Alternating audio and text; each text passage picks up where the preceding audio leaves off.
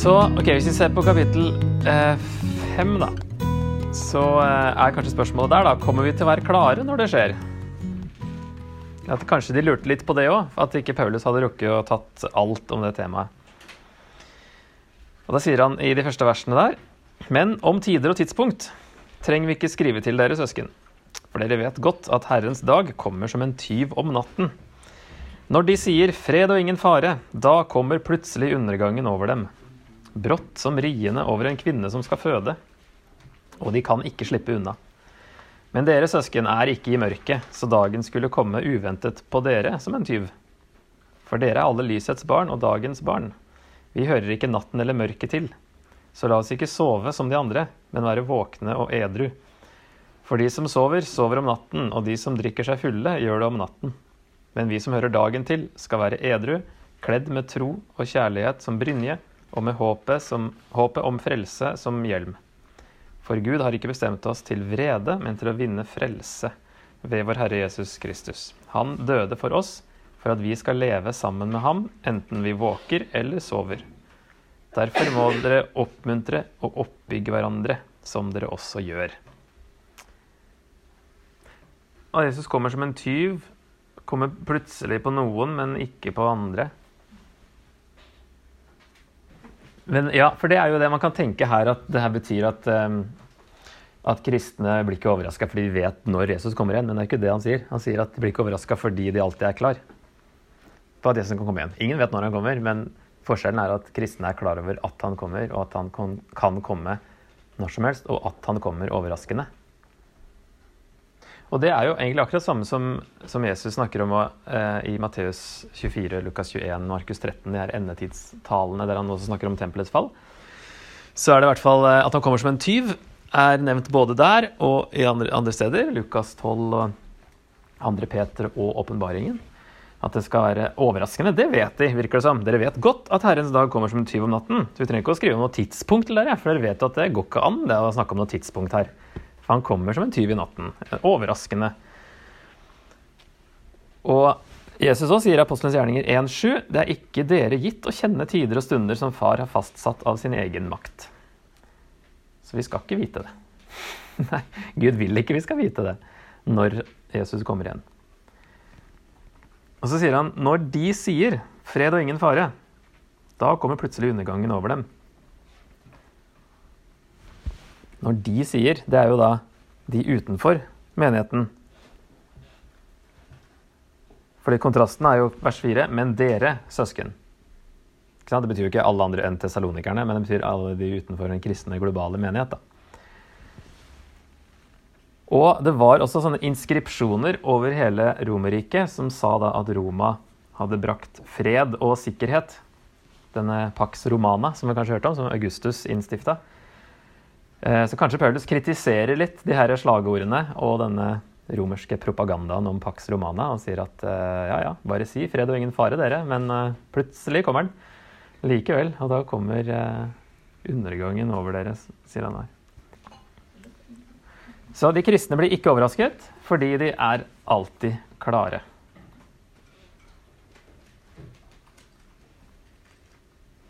Så når jeg snakker om edru og drikke seg full og sånn, så er jo det på en måte en sånn åndelig eh, eh metafor for å bli sløv. Som Jesus òg bruker i Matteus 24 i de lignelsene etter denne talen. Der han snakker om eh, de her tjenerne som ikke tror at Herren kommer tilbake på en god stund, og begynner å drikke og eh, holde på med litt andre ting. Så det er jo bilder henta derfra. Og det kan være interessant, for hvis dere slår opp i Matteus 24, så kan vi sammenligne litt. Og se at Paulus tydelig henter det derfra. Dette her er ikke noe som han eh, har fått i noen åpenbaring, tror jeg. Eller eh, fått på noen annen måte. Han henter det Veldig mye han henter fra Matteus 24. Og de parallellene, da. Men vi kan se på Matteus 24.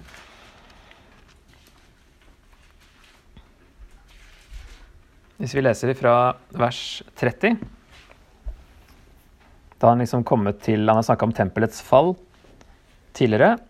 Og så kommer han liksom til uh, sin gjenkomst, da. Fra vers 30. Da skal menneskesønnens tegn vise seg på himmelen. Da skal alle folkeslag på jorden bryte ut i klagerop, og de skal se menneskesønnen komme på himmelens skyer med stor makt og herlighet. Når basunen lyder, skal han sende ut sine engler, og de skal samle hans utvalgte fra de fire verdenshjørner, fra den ene enden av himmelen til den andre. Lær en lignelse av fikentreet. Når dere får sevje greinene og skyter blad, da vet dere at sommeren er nær. Slik skal også dere vite, når dere ser alt dette, at han er nær og står for døren. Nå er det jo nok litt tilbake igjen til de tempeltegnene. Han sier at når dere ser at tempelet faller, da er Jesus veldig nær. Da kan han komme når som helst. Sannelig, jeg sier dere, denne slekten skal ikke forgå før alt dette skjer. Altså, det skjedde jo innen år 70. Tempelet, altså. Himmel og jord skal forgå, men mine ord skal aldri forgå. Men den dagen og timen kjenner ingen. Ikke englene i himmelen, og heller ikke Sønnen, bare Faderen. Som i Noas dager, slik skal det være når menneskesønnen kommer. For i tiden før storflommen spiste og drakk de, giftet seg og giftet bort, helt til den dagen Noah gikk inn i arken. Og de skjønte ingenting før flommen kom og tok dem alle. Slik skal det være når menneskesønnen kommer. Da skal to menn være ute på markene, én blir tatt med, én blir igjen. To kvinner skal male sammen på kvernen, én blir tatt med, én blir igjen. Her òg er det jo, eh, selv om ikke det spørsmålet er, med etterpå, når disiplene spør hvor de blir tatt hen, så er det jo i kontekst av flommen som kom og tok dem alle. Det var jo de som ikke trodde som ble tatt av flommen. Og det er jo de som også blir tatt når, en blir borte og en er igjen. Så er det fortsatt et domsbilde her, sånn som i Lukas 17, at de som blir tatt, blir jo tatt som flommen kom og tok eh, folk under Noah. Så det er jo ikke det at man blir tatt bort, rykket bort til himmelen, men man blir tatt bort til dom. Så våg, da, for dere vet ikke hvilken dag Deres Herre kommer. Men det skal dere vite. Dersom husherren visste når på natten tyven kom, ville han våke og ikke la ham bryte seg inn i huset. Derfor må også dere være forberedt, for menneskesønnen kommer i den time dere ikke venter det. Hvem er da den tro og kloke tjeneren som Herren har satt over de andre tjenerne for å gi dem mat i rett tid? Lykkelig er den tjeneren som Herren finner i arbeid med dette når han kommer tilbake. Sannelig, jeg sier dere, Herren skal sette ham over alt han eier. Men sett at dette er en dårlig tjener som sier til seg selv, det varer lenge før Herren min kommer, og så gir seg til å slå de andre tjenerne og spise og drikke sammen med drukkenbolter. Da skal tjenerens herre komme en dag han ikke venter, og en time han ikke kjenner og hogge ham ned og la ham dele skjebne med hyklerne, der de gråter og skjærer tenner. 30 til 31 hinter til Daniel 7. Ja. Jo, helt riktig. Menneskesønnen kommer på himmelens skyer. Det er Daniel 7. Helt riktig. Så der henter jo Jesus noe fra Daniel. Det skal vi se at også um, Paulus gjør i andre tessaloniker. Så det er en sånn linje som trekkes fra Daniel på både menneskesønnens gjenkomst eh, og eh, denne her lovløse personen i 2. Tessaloniker 2. Ok, Hva slags likheter så vi da mellom eh, Jesus sin tale her i Mattes 24 og det Paulus sier i 1. Tessaloniker 4 og 5? Jesus kommer, det så vi. Sant? Den er lik. At han skal komme igjen. Altså han kommer fra himmelen, og han kommer basunen, Når basunen lyder, skal han sende ut sine engler, sier Jesus. Og Paulus skriver at eh, når befalingen lyder, når erkeengelen roper og Guds basun høres Det er jo en lenk. Og så sa han også i eh, 3.13 Når vår Herre Jesus kommer med alle sine hellige. Og det uttrykket kommer opp igjen i andre tessaloniker, men da sier han alle sine engler. Så det er nok det samme der bildet om at um, han skal sende ut sine engler, som Jesus sier. Så der har vi foreløpig veldig mange uh, likheter. Kommer som en tyv. Den er veldig tydelig at Paulus henter den fra Jesus. Og det vil si altså på et ukjent tidspunkt. Og Det er interessant at det står hvis han, liksom, han er tjeneren som eh, i vers 49 eh, begynner å oppføre seg dårlig. Da skal tjeneren, tjenerens herre komme på en dag han ikke venter, og en time han ikke kjenner. Det betyr jo ikke at Gud endrer tidspunkt ut fra han er tjeneren, men fra tjenerens synsvinkel så blir det et tidspunkt han ikke venter. Sant? Men det høres ut som at Gud bare da skal jeg komme overraskende når du oppfører deg sånn. Men eh, det blir overraskende fordi han ikke er klar. Han tror at det varer lenge før Herren min kommer. De, Tessalonikerne de var liksom, tenkte at han kom veldig fort, og litt for fort. Sånn at de kanskje hadde slutta å jobbe og lurte på om han hadde kommet og de hadde gått glipp av det i neste brev. Mens eh, så er jo andre grøfta og sier at det tar så lang tid før han kommer at vi kan leve som vi vil, og så bare fikser vi livet på slutten. Da kan hende Jesus kommer overraskende. Og akkurat det her 'så våk', da, det er jo Jesus sin eh, anvendelse av Eller hele poenget med talen er jo ikke det herre Prøv så godt dere kan å finne ut når jeg kommer. Nei, det er våk, da. Vær våkne, åndelig våkne. For dere vet ikke hvilken dag Deres Herre kommer. Bare vær våkne. Så det er helt klart et bilde av Paulus eh, bruker. Jeg satte opp eh, her, da. Vi kan se på min oversikt. Men Jesus kommer, den har de begge to, fra himmelen sammen med engler, med Guds basun. Og de troende samles med Kristus. I Matteus 24, 31 så står det at når basunen lyder, skal han sende ut sine engler, og de skal samle, samle hans utvalgte fra de fire verdenshjørner. Um, mens Matteus, nei, Paulus har da at eh, de skal møte han i skyene. Men de samles, da. I skyene også er jo da nevnt, eh, og er jo opprinnelig da fra Daniel 7, i hvert fall det sitatet som Jesus har. På et ukjent tidspunkt, har vi vært inne på, og som en tyv. Og så er det det at verden overraskes av dommen, akkurat som eh, flommen gjorde det, sier Jesus. De skjønte ingenting før flommen kom og tok dem alle. Det kommer overraskende. Og det Paulus sier òg, at når de sier 'fred og ingen fare', da skjer det. Vær på vakt, var vi inne på, og dette her er advarsler mot uh, drukkenskap. altså bruker bildet om å, om å drikke seg fulle, da, som som sagt er nok òg en metafor for å bli sløv. Så jeg syns det er ganske interessant og ganske tydelig hvor Paulus henter dette fra, og det er jo greit å se at uh, dette har han fra Jesus, og ikke at han har fått en egen åpenbaring som han har fortalt. Og så har ikke vi fått alle detaljene fordi han hadde allerede fortalt noe til tessalonikerne da han var der. Og så kommer vi og prøver å finne ut hva som uh, mangler i brevene. Og så kan vi tenke at kanskje det ikke er så veldig mye overraskende der, for han henter det meste fra Jesus. Ser du noe om når Matteus ble skrevet noe, eller hadde han fått det så likt? Mm. Det er sant. Godt spørsmål. Altså, det trenger ikke bety at Matteus-evangeliet var ferdig skrevet. Men at den Ja, eller i hvert fall den talen til Jesus var kjent. Ja.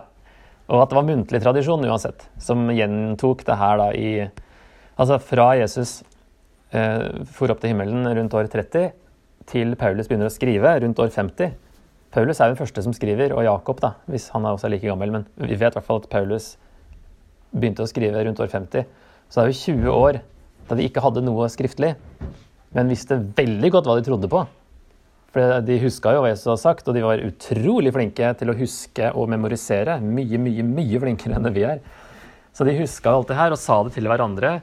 Og det kunne ikke bare komme, Paulus kunne ikke komme med noe helt nytt når han begynte å skrive brev, fordi alle de kristne visste godt hva de trodde på, selv om de ikke hadde noe skriftlig som vi vet. da. De kan ha hatt deler av det som etter hvert ble evangeliene.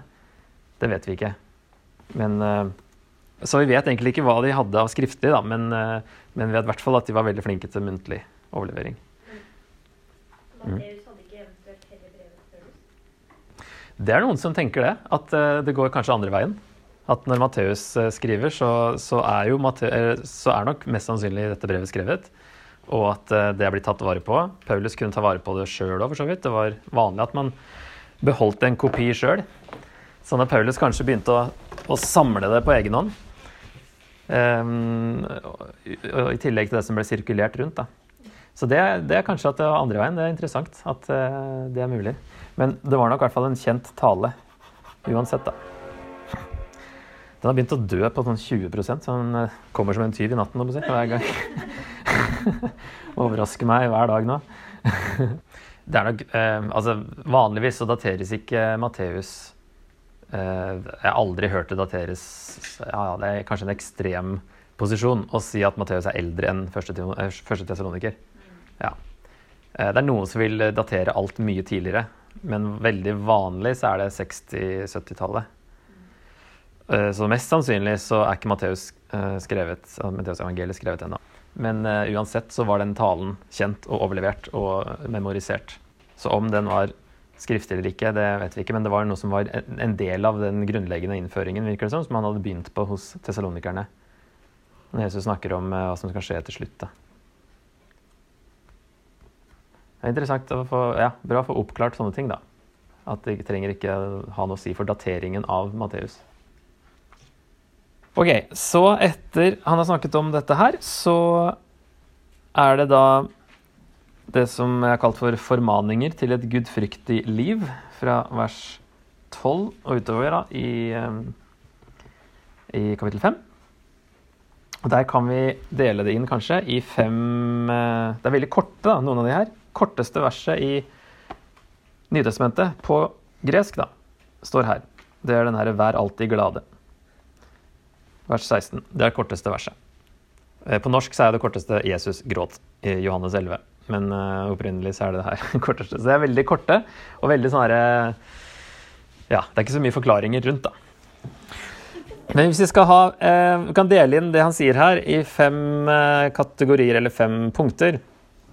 Så har vi vers 12 og 13. Vi ber dere søsken, vis respekt for dem som sliter og arbeider blant dere, de som er deres foresatte i Herren, og som rettleder dere, altså lederne deres. da. Dere skal vise dem den største kjærlighet og respekt på grunn av den gjerningen de gjør. Lev i fred med hverandre. Så kanskje det ikke var helt sånn fredfullt. Men i hvert fall en holdning til ledere i to første versene. Og tydelig her at en leder heves ikke over resten, men en leder arbeider mer. Vers 14. Vi oppfordrer dere, søsken, vis til rette dem som ikke holder orden på livet sitt. Og det er jo et helt avsnitt i neste brev. Sett mot i de motløse, ta dere av de svake og vær overbærende mot alle. At hele menigheten skal ta ansvar for de såkalt uordentlige, de motløse og de svake. Og det er skal holde orden på livet sitt. La ingen gjengjelde ondt med ondt, men strev alltid etter å være gode mot hverandre, ja, mot alle. Vers 15. Vær gode mot alle, også de utenfor menigheten. Altså ikke ta igjen. Vend det andre kinnet til, ikke sant? bare med Paulus sine egne ord. Han henter jo fra Jesus. Vær alltid glade. Be uavbrutt. Takk Gud under alle forhold. For dette er Guds vilje med dere i Kristus Jesus. Så Guds vilje for dem er vær alltid glade, be alltid, og takk Gud alltid. Be alltid, be stadig, da. Eller be uavbrutt. Man prøver liksom å få sagt det på en sånn måte som får frem at man ikke går og ber hele tida til hvert sekund, men at du er liksom alltid på nett med Gud på en eller annen måte. Be uavbrutt. Det høres ut som du ikke gjør noe annet enn å sitte og be. Men det kan jo ikke være det han mener. Men altså at man har en sånn kontinuerlig bønn med Gud. da. Mm. Be uten opphold. Ja, ok, enda tydeligere. Aldri stopp å be. Men det trenger ikke være så bokstavelig som hvert sekund. Men altså, en greie er selvfølgelig ikke stopp å be. Altså, ikke ta pauser fra bønn. altså, det vil si altså mange dager, kanskje. Men, eh, men det er det her alltid, alltid, alltid. At vi skal liksom være glade sånn på bunnen. Og han sier jo i starten at uh, uh, han vet uh, at Skal vi se eh, Han vet at de er utvalgt fordi de viste glede i hard motgang. Med den glede som Den hellige ånd gir. Den gleden kommer fra Den hellige ånd når det er glede selv om det er motgang. Altså det er annen, en annen type glede enn en vanlig verdslig glede. da. Det sto i 1.6. Dere under hard motgang tok imot ordet med den glede som Den hellige ånd gir. Så det om vi alltid er glade betyr ikke at vi alltid er i happy-clappy-humør, men at vi har en dyp eh, glede på bunnen på grunn av det Gud har gjort. Og så vil jo ikke Gud vi skal være triste og sure heller, da. Men altså, er, vi har jo følelser, og det er lov å bruke de. og det er sunt å la de komme fram. Men det er interessant med de tre altiene her, da, på en måte. Alltid takke Gud under alle forhold også. Selv når man blir forfulgt, som de ble. Og siste, 19-22.: Slukk ikke ånden. Forakt ikke profetord. Men prøv alt, og hold fast på det gode. Hold dere borte fra ondskap av alle slag. I hvert fall De tre første der kan vi oppsummere som 'ikke kast babyen ut med badevannet'. Dette gamle ordtaket. Har dere ikke hørt det? Ikke kast babyen ut med badevannet. Har du ikke hørt det ordtaket? Det betyr at man skal, man skal med, når man skal kvitte med badevannet, som er uh, møkkete, så man passer på å ikke kaste ut babyen samtidig. For den er litt viktigere. sant? Og her er det da Slukk ikke ånden, forakt ikke profetord. Altså hvis man uh, har uh, Jeg vet ikke hvordan tesalonikerne hadde opplevd det, men kanskje, og det har mange i våre dager, da, som er skeptiske til profetord, f.eks. Og da er jo kanskje det Paulus sier her, ikke slukk ånden, og ikke, ikke kvel alt eh, åndelig fordi du er skeptisk til én ting. Slukk ikke ånden. Altså ånden virker i menigheten, men vi kan på en måte eh, holde han vekk da, fra det vi gjør i menigheten. Og hvis vi ja, skal ikke forakte profetord, men prøve alt og holde fast på det gode. Vi skal også prøve profetordene, teste dem. Vi skal ikke sluke alt heller. Det er den andre grøfta. sant? Vi skal ikke slukke alt og stenge for det, men vi skal heller ikke sluke alt. Vi skal prøve alt og holde fast på det gode. Han sier også det i første Korinterbrev, at de skal teste profetordene som kommer, og ikke ta alt som Det er ikke, noe, det er ikke mer åndelig å, å ta imot alt som kommer av åndelige fenomener, enn å sperre for alt. Det åndelige er å teste alt. Så det er ikke noe mer åndelig å bare Ja, hva som helst, kom igjen. Jeg er åpen for alt. Det er egentlig ikke det Paulus sier vi skal gjøre.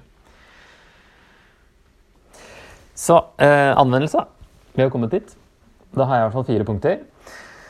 Det jeg oppsummerer det brevet her med, da, det er at vi blir ikke bedt om å tolke tegn og prøve å beregne når Jesus kommer, men vi blir bedt om alltid å være klare.